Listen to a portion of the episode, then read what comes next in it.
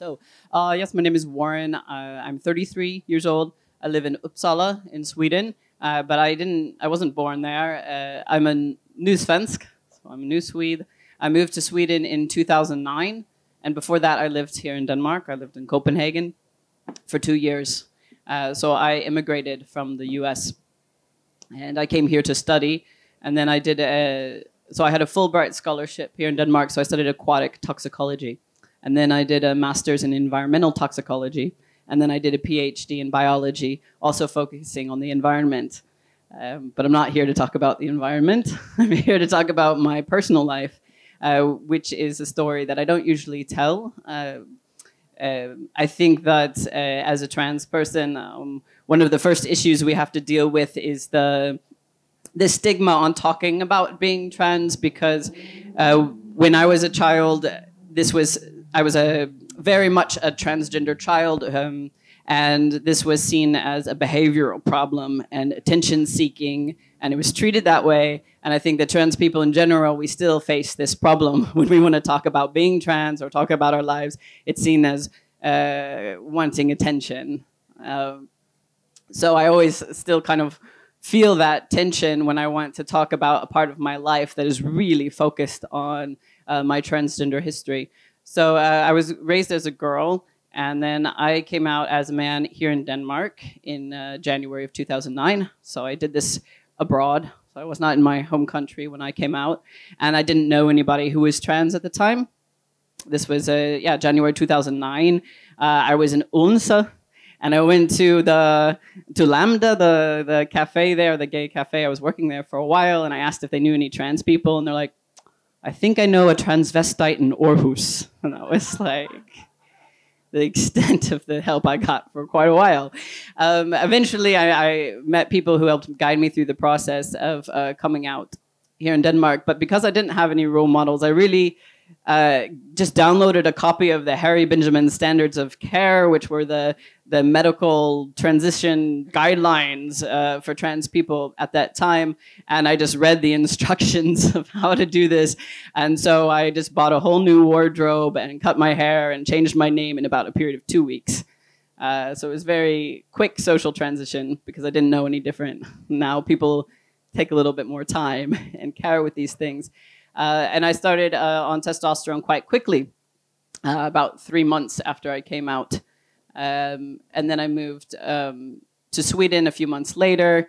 And then entered the public healthcare system of trying to get trans healthcare, which which took a very long time. But my coming out experience was very positive. Um, my family was very far away, so I didn't have to deal with them, and I was quite easy to get it was quite easy for me to get healthcare in some respects because my medical history followed this classic transsexual narrative of thinking that I was a boy when I was younger and all these sorts of things. Um, but what was different for me in, in two respects was what I thought was different at the time uh, was my sexuality. So I'd always been bisexual. And the standard transgender narrative for a trans man is usually that you're a lesbian first. You try that out for a while, realize it doesn't work, and then you uh, come out as a man, and then you kind of end up in a heterosexual lifestyle. The, the data now says that about 60% of trans people are attracted to more than one gender. Um, and about 40% of trans people experience changes in their sexuality as they transition, whether that's socially or with hormones or with surgery they experienced some some changes there, and I also experienced that. And uh, so I became more involved in, um, let's say, gay culture, and I mostly dated gay and bisexual men after I came out. And this is relevant to this talk about parent rights. because I realized that it was very unlikely for me at that time that I would fall in love with a woman and have a child who would carry a child.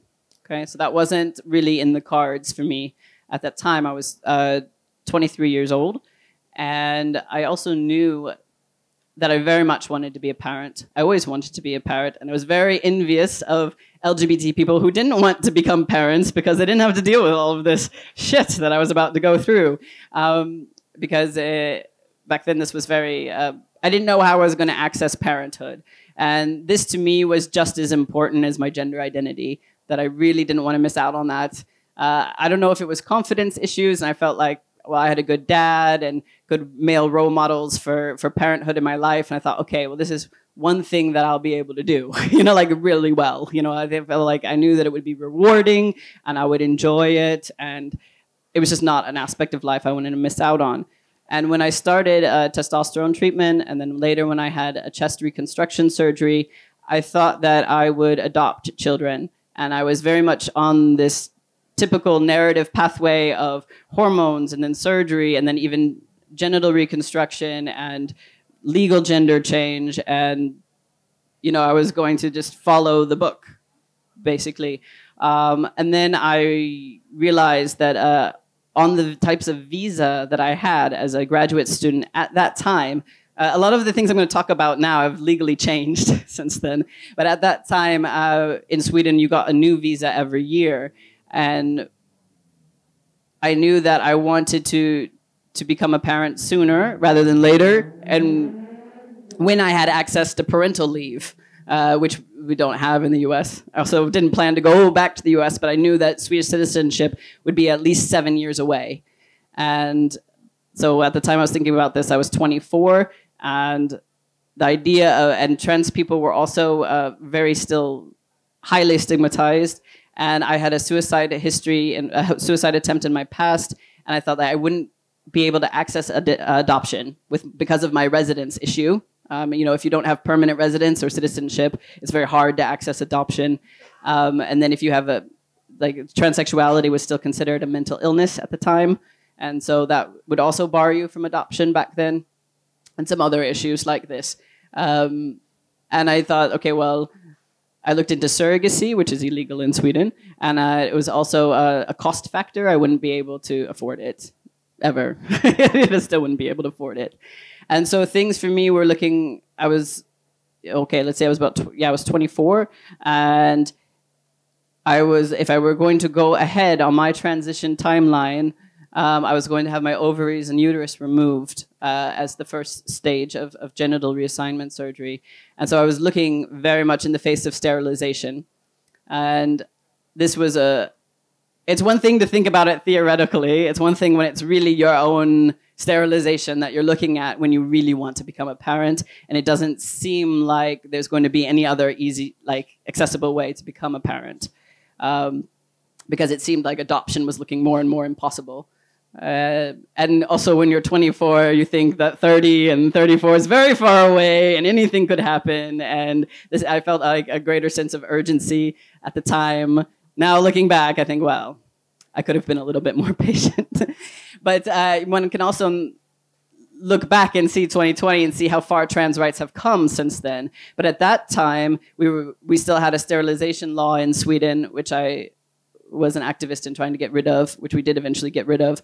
But you had to destroy your eggs, you had to destroy your sperm in order to legally change your gender, um, and you also had to so the psychiatrists that I met that I that were like approving my transition were also very pro sterilization.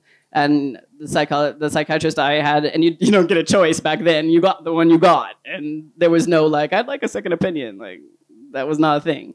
So you got that one, and she said that she didn't believe trans people should ha- become parents because she didn't think it was fair for the children to be raised in that environment. And this is the person who gets to approve whether I get to go ahead with transition. So I wasn't really exactly open with her about my desire to have a child um, of, of, in any way, because she didn't think trans people should become parents in, in any capacity, uh, biological or otherwise. Um, that's my kid there in the front row. so she's almost six now. Uh, so, so, so, I eventually did succeed with, with my uh, parenting goals. So uh, at the time I was in a relationship uh, with a man and realized like okay i really need to go ahead with my transition i suffered a lot of gender dysphoria i really wanted to change my body more a lot of trans people don't feel that way but whatever that was my experience still still my experience so um, i decided that pregnancy was really my only realistic option i mean maybe if i'd had a lesbian friend who wanted to co-parent at the time but i didn't You know, so you can think of like all sorts of different ways to become a parent. You're like, oh, you could do it this way, or you could do it this way. I guarantee you, I ran through every possible scenario, and none of them were realistic for me at that time, and none of them seemed like they were going to become realistic for me uh, at, at any time in that near future. And I didn't want to risk the sterilization and then regret it because it meant that I would never become a parent. Um, so uh, around that time, uh, Thomas Beattie was in the news, and he was a trans man who had gone through pregnancy. Uh, so I emailed him. and uh, so he was in the US, and I was like, So, Thomas, how long were you on testosterone? Because one of the things when you start testosterone, they tell you is they say, This will make you infertile. Sign the form. it says, You know that this will make you infertile. Turns out there's not any evidence for that um, in terms of uh, people taking testosterone. It doesn't uh, affect your your ovaries. Thomas had been on testosterone for 10 years when he stopped and then had three children that he was pregnant with. So he gave me a lot of hope, and he also put me in contact with other trans men. Uh, so at least I knew that it was possible. It would be possible, or there was a chance.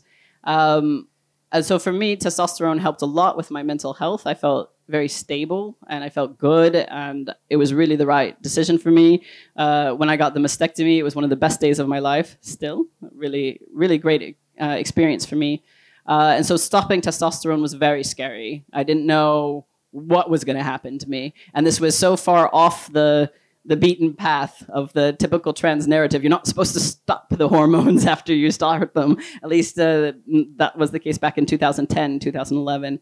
Uh, so I felt like I was really kind of going off into uncharted territory.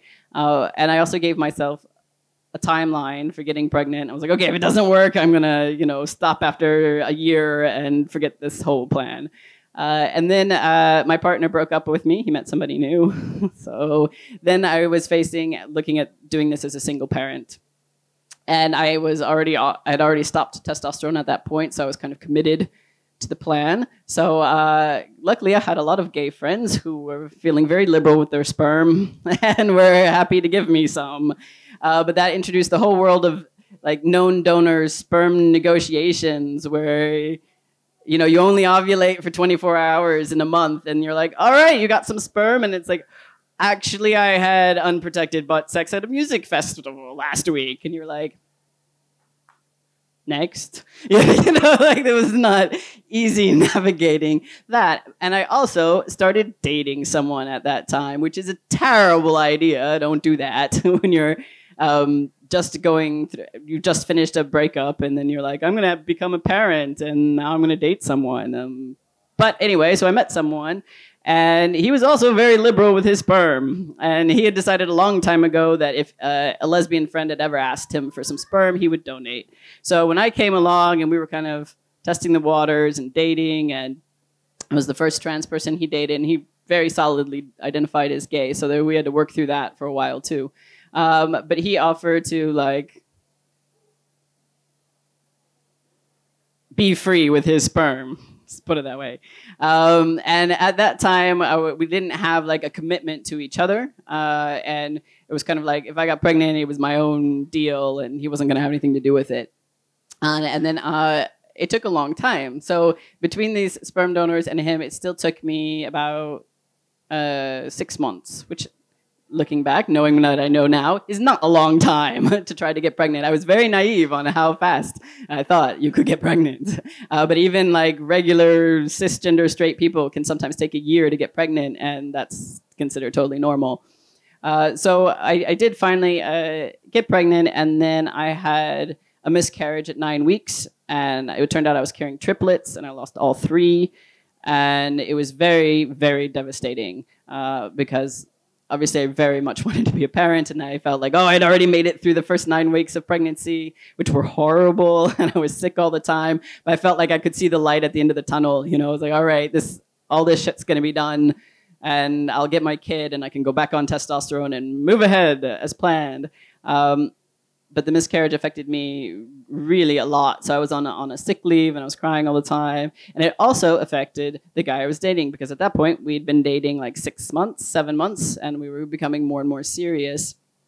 And you really shouldn't make big life decisions in those circumstances. But I did.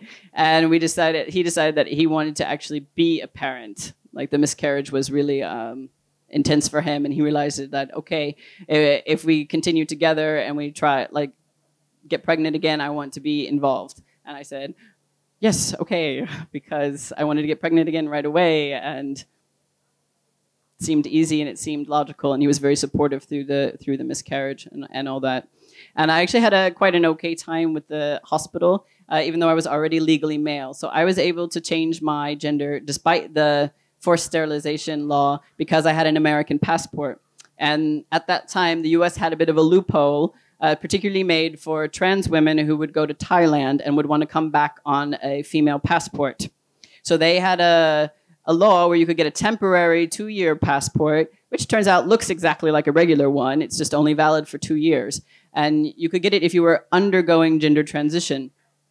And the goal was being that you could get the, the your for, for trans women, you could change your passport from male to female, fly to Thailand, and then come after you've had a sex reassignment surgery or gender confirmation surgery or all, any term you want to use there. You know, uh, you could come back on a female passport. So that was what that was created for.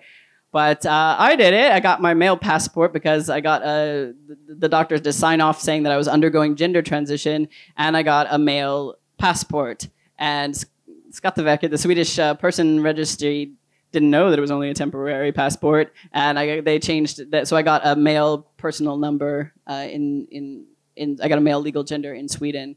Uh, fairly easy. It still took six months, and I like invented the name of a treaty that they were violating by not changing it, and like, I called it, and they uh, they changed it. I'm sure there is such a treaty about recognizing documents from foreign authorities, but anyway, so they did change it. So I did have a le- legal male gender, and um, this was an issue during uh, pregnancy because uh, in the electronic medical records, you didn't have, if you had a male personal number, you didn't have a folder for pregnancy.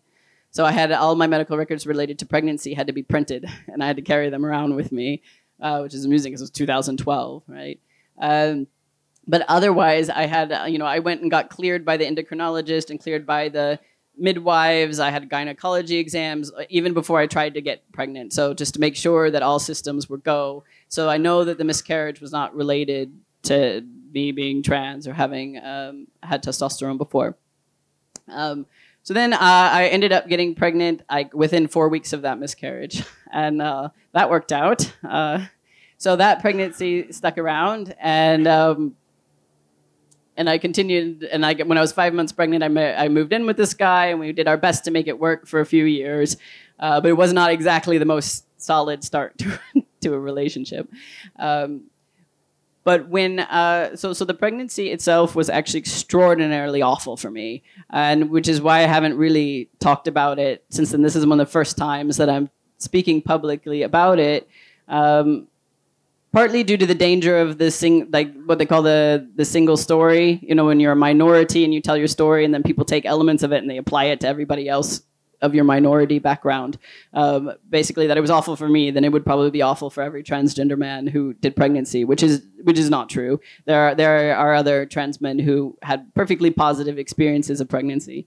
Um, but that was not the case for me. It was uh, i spent i had a horrible depression and i have eczema and my hands and feet were like shedding skin. And and I was really like both physically and mentally barely survived um, being pregnant. And then I had um, a really horrible traumatic uh, birth experience and part due to my male personal number. So I had visited the hospital twice beforehand. All of the midwives knew I had I paid extra like privately to have midwives on call for me that I'd already met so that I wouldn't have to meet new midwives. I did this by planning a home birth. And in Stockholm, you can plan to have, give birth at home and you pay privately for the midwives. And I figured, like, well, we'll start at home.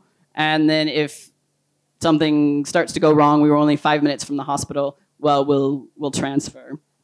Um, and so we did end up transferring because she was stuck and there were problems. Uh, but they also sent new midwives to my home that I'd never met. so that was kind of awful uh, to begin with. And then when we got the hospital, despite the fact that I'd been there and explained about my um, paper medical records and explained about the male person number. And I asked repeatedly, is this going to be a problem? Everyone was like, no, no, it will be fine. Don't worry. It was a problem. So because we were a bit of an acute situation, I really needed uh, an epidural, which is the pain medication they give you through the spine. And when we got in the car to go to the hospital, I was promised that I would get this medication within 20 minutes of getting there because she was stuck and it was extremely painful. Um, and like to talk about this, like my very first contractions were like an axe in the gut. Like I didn't have any nice buildup of contractions. I had horrible, horrible like labor. Um, and at the time, you, know, I'd read a lot of birth stories, and I tried to talk to the midwives and say, "Okay, I don't think this is normal. you know, I don't think it's supposed to be this way." And whether or not this was related to my past experience of being on testosterone, I don't know. Uh, from talking to other trans men, they didn't have this experience. So maybe it was just me, or maybe it was the way she was in the womb. I don't know, but it was really horrible. And so we got there, and they couldn't put me into the computer system because of the male personal number, which they should have checked this, but they didn't. So, um, and they, I guess the midwives were in a bit of a panic uh, but they wouldn't give me an epidural without a digital printout of uh, the fetal heartbeat, so of the baby's heartbeat.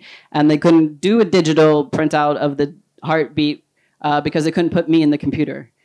Um, now, looking back, they should have just Jane Doe'd me or whatever. You know, they put a fake name and, uh, you know, as if you didn't have a personal number. There are many solutions to this, um, none of which the midwives thought of. Um, and so after two hours, uh, she was born without any uh, pain medication. And uh, there was also uh, a lot of other um, aspects of the birth in which my wishes weren't respected, um, which I think applies to anybody who's in birth if their wishes aren't respected. But there is an element of being trans there. For example, uh, any kind of uh, penetration of the genitals for me is really unpleasant, especially with hands. You know, there are other ways to put sperm without, you know, doing penetration. And I, talked over this with the midwives, and then I had a midwife shove her whole hand up there and um, doing I don't know what, trying to put a fetal heart monitor somewhere. And uh, so, uh, you know, you're in that kind of situation. You're screaming no and stop, and you just don't have any power over the situation. Uh, so I had um, I was severely traumatized uh, after the birth, and I didn't really know my partner very well, and he just like went to sleep. and, um, so for and the problem is I should have gotten um, help right afterwards, but I was terrified to tell anyone that I wasn't feeling okay uh, because the medical staff were still so in my mind pro sterilization that I thought if I told them that I was not okay, that they would take the baby away. And it's easy to say now, like that would never happen, but that stuff does happen. It does happen to trans people. Trans people have, I've heard so many hundreds of horror stories of trans people in the medical system. And sure, like they're not allowed to do that, but if they do it, what are they going to do? You know, how would I stop them? They're like six months later, they'd be like, oh, sorry, here's your baby back. You know, so I didn't want to risk her being taken away from me.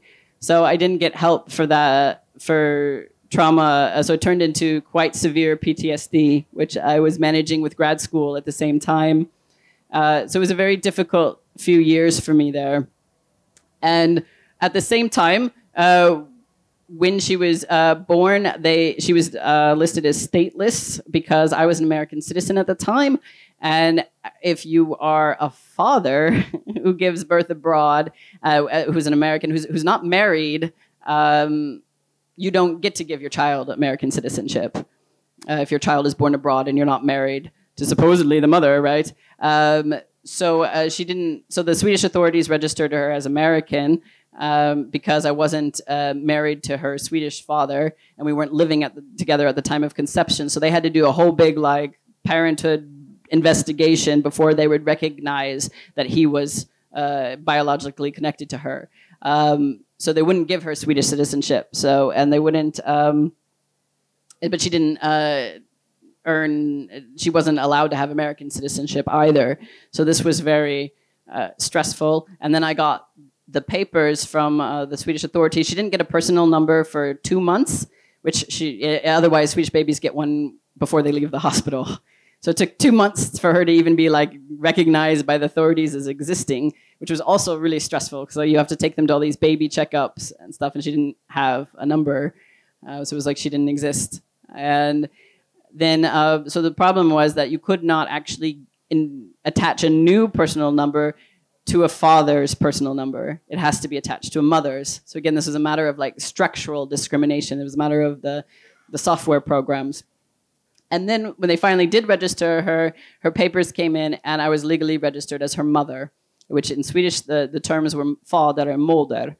And so her other parent was registered as father, and I was registered as moder despite being legally male. And when I called and asked about this, they said, they said, well, mother, mother is a, is a könsneutral begrepp, it's a gender neutral term. And I was like, oh, if only. you know how many queers would be happy if that was true? like, no. Um, but I had to get a lawyer, and uh, they it took uh, two years, and they came with all kinds of strange arguments for why I shouldn't be registered as a father.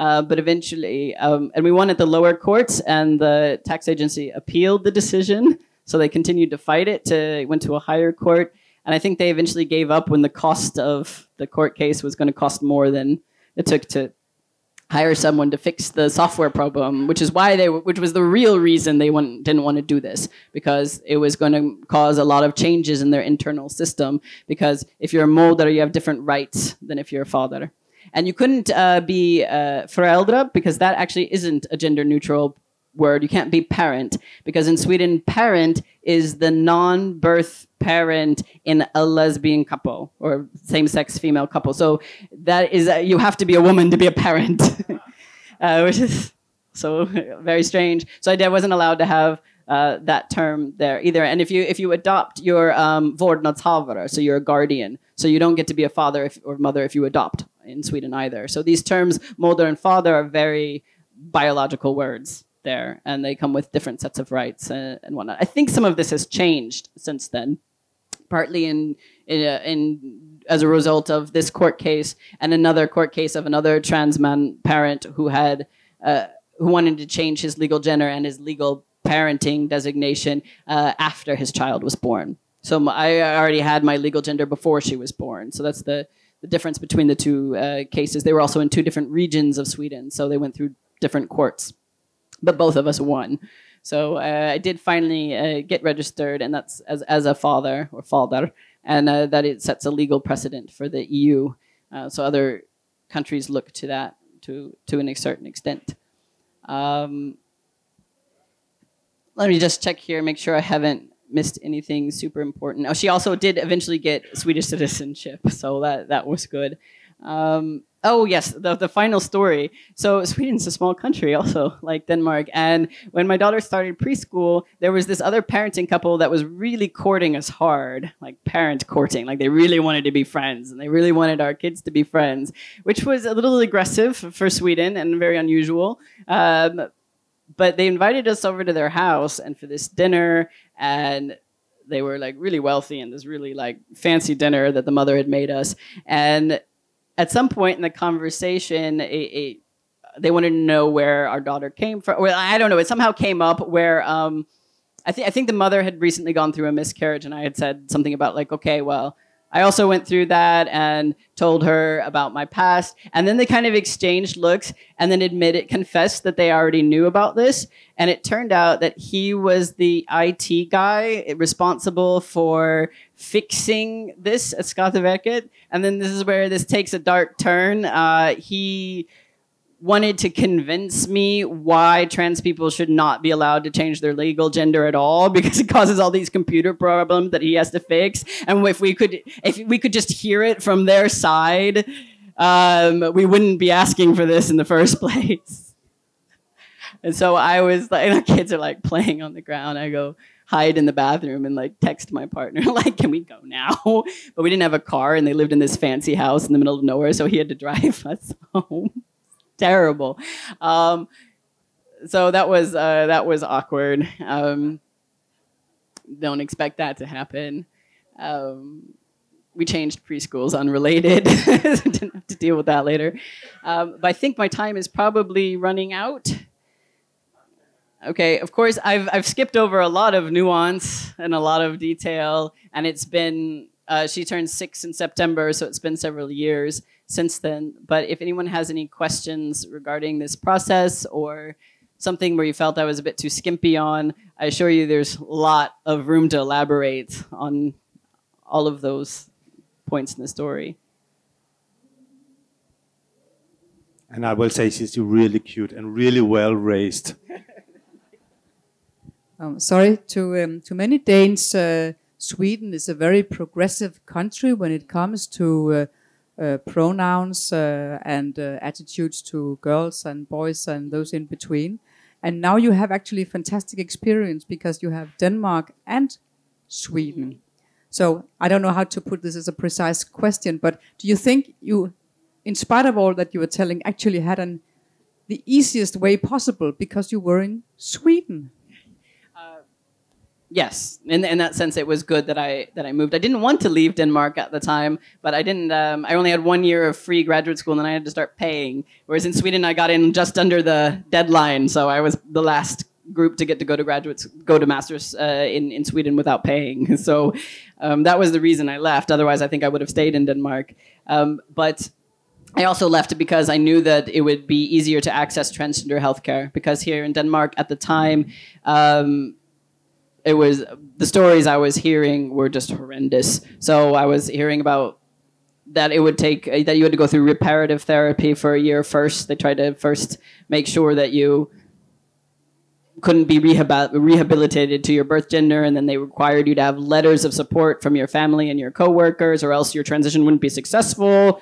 Um, and then they were also saying like, okay, if you ever masturbated or enjoyed sex, you wouldn't be approved. So it took like two years to even get a diagnosis. And first, you had to fail at being rehabilitated first. And I just wasn't going to put myself through that. I mean, I was very confident in my realization and my identity, and I didn't want to put myself through that shit. And I knew that in Sweden, it also takes a long time, but it's more to do to waiting lists. And sure, I didn't have a good time with the psychologist, but at least it felt more possible. I did have to look at ink blot images. Like, have you ever been a transsexual looking at ink blot images? You're like, don't say vagina, just don't say vagina, you know? like, you know, and then I also had to take an IQ test. You know, like, I have a PhD in biology and I had to take an IQ test. You know, like, there's a lot of um, silliness uh, that is just kind of oppressive. Um, they've since changed, but I just did have to go through that. But socially, I think both were quite positive experiences. The most transphobic experience I had were here in Denmark, and they were mostly with gays and lesbians. Um, lesbian women who wouldn't accept that I was uh, identified as male or wouldn't use he until I'd started testosterone. Um, gay man who assaulted me. He apologized later. I ran into him, cl- into him at a club like two years later. He was like, I saw a YouTube video with you and I just really wanted to say I'm sorry. So like everything is, you know, very interesting stories here. But um, as far as like my experience of being open, I went, I've always been open about my identity. I've never gone stealth or, or, tried to hide the fact that I was trans. And at the university, at both universities, the University of Southern Denmark and Uppsala University, I had very positive experiences with coworkers and professors. Um, I remember when I came out in in the University of Southern Denmark, I, I really came back the next semester as a different gender. and I stood up, I like I stood up on the first day and I was like, uh, so my name is Warren now. Everybody call me he all right. And I sat down, like, like the most awkward thing I've ever done. And then I had one teacher who said, and that won't be a problem in this classroom. And she like, like and I, I, was really kind of like caught off guard by that reaction, but I still remember that as being a very positive experience. I'm really glad she did that. And I, I didn't, I didn't really have uh, any negative experiences in that respect.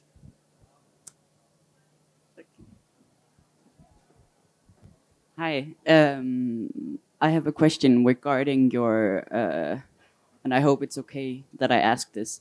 Um, how were you perceived, or how, how did people perceive you when you were pregnant? Yeah. Um, yeah. Yeah. So um, I still like was seen as male through most of my pregnancy. I never got very big. Uh, which was, uh, I mean, you would think that I, I mean, I'm pretty skinny, but um, I have a backwards tilting uterus. I guess I, I, I just wasn't, I never got very big, and um, so uh, my pregnancy was just not seen by the general public until I was about seven or eight months along, and even then, I was so masculine. I think I got misgendered in public once like and that was like two days before she was due.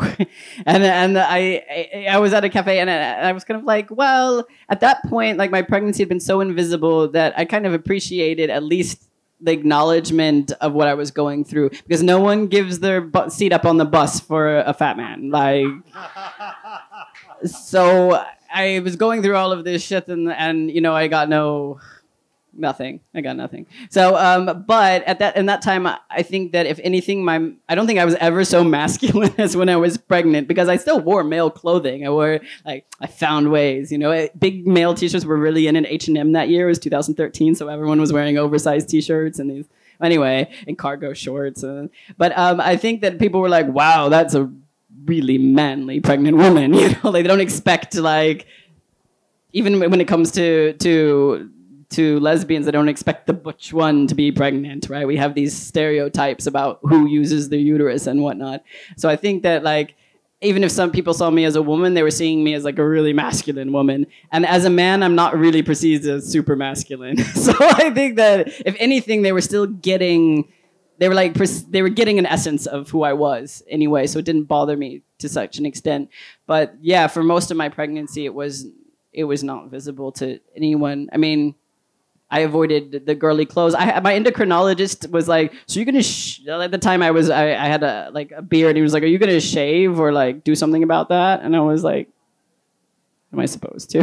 like, I I don't think he got that got the the the thing. That I think he thought I was going to try to pass as a woman or something, or try to detransition. I mean, I didn't detrans. I was still Warren. I was still he. Like no, like nothing changed except that I I had this big belly. Um, and then my, and my hairline regrew and I, I, did like lose a lot of facial hair and i lost a lot of body hair that i'd grown. So like the if you just stop testosterone you don't get a lot of uh, change reversal. But if you get pregnant yeah a lot of changes do happen uh, that were re- also really unpleasant that i wasn't expecting. So that was not so great. But the general public didn't really seem to notice.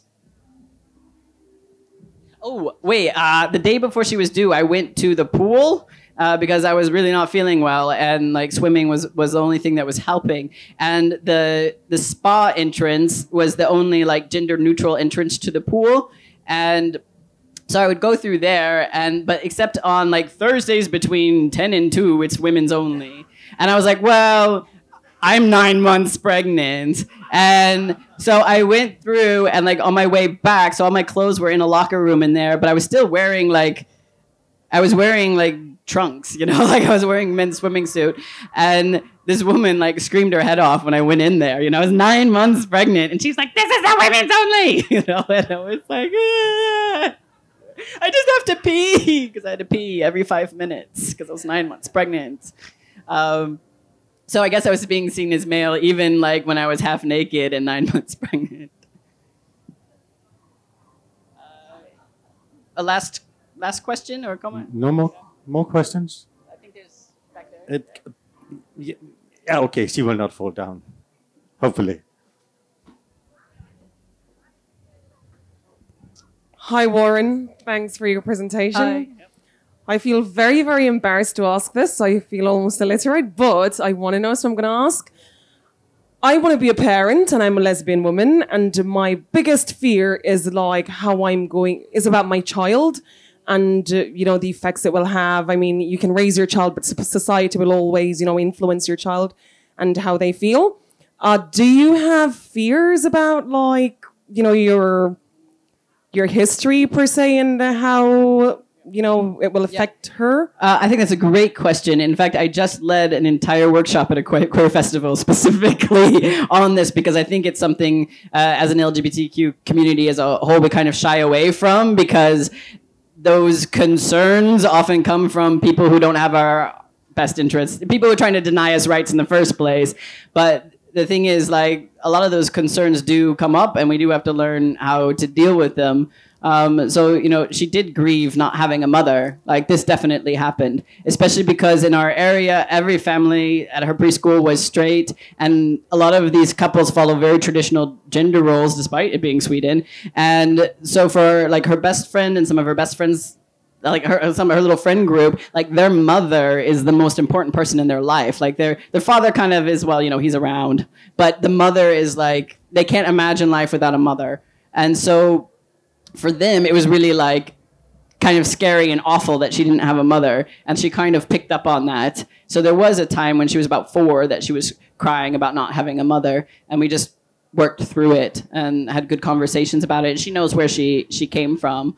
And with kids, when you know, she will tell the kids that she has two fathers, and she will explain that one of her fathers gave birth to her. And the way we explain it is that we first we acknowledge the norm that yes, usually it's women who give birth. Usually it's mothers. That's right. We first, you know, especially when you're talking to a child, but to adults as well. You know, like acknowledge that yes, that's what you've been told, and that's right.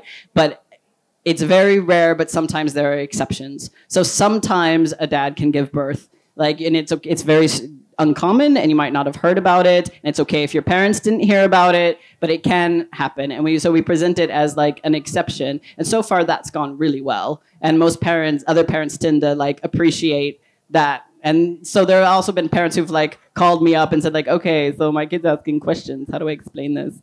And sometimes they don't do a very good job of explaining it. So one time one of her friends came up to me and was like, oh, okay, so you can just you can just pick your gender. So why don't you just choose to be her mother?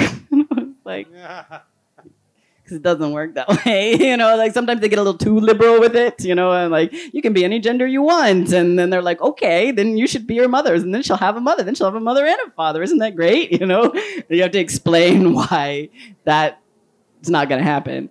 So um, I think that like as long as you keep the the connection open and you talk to your kid I mean, sometimes we can get a bit tricky with with dogma and our beliefs, and like really. For example, um, the sperm donor is the donor, not the father, right? Like we, we all use that expression and, and it's often like really believed in. But I've met teenagers who have been conceived by donor sperm, and when their mothers aren't around, they talk about wanting to know about their dad. And they would never use the word dad in front of their mothers. And so I saw that happen, and that was really like a reality check with me that I wanted to make sure my kid was always comfortable telling me how she was feeling about something, even if it didn't match my values. Um, so I tried to keep that open, and I tried to like validate her feelings. Like when she plays house, it's always a mom and a dad, you know. So I tried to like let her be who she is. And uh, time has come up. I will say she will not fall asleep tonight because she loves Skittles, uh, Crazy Sours, and the marzipan and the I packed wine apples. guns. Speaking Yeah, of mainstream society values, Yeah. there are bigger ones to deal with. Um, thank you. Thank you.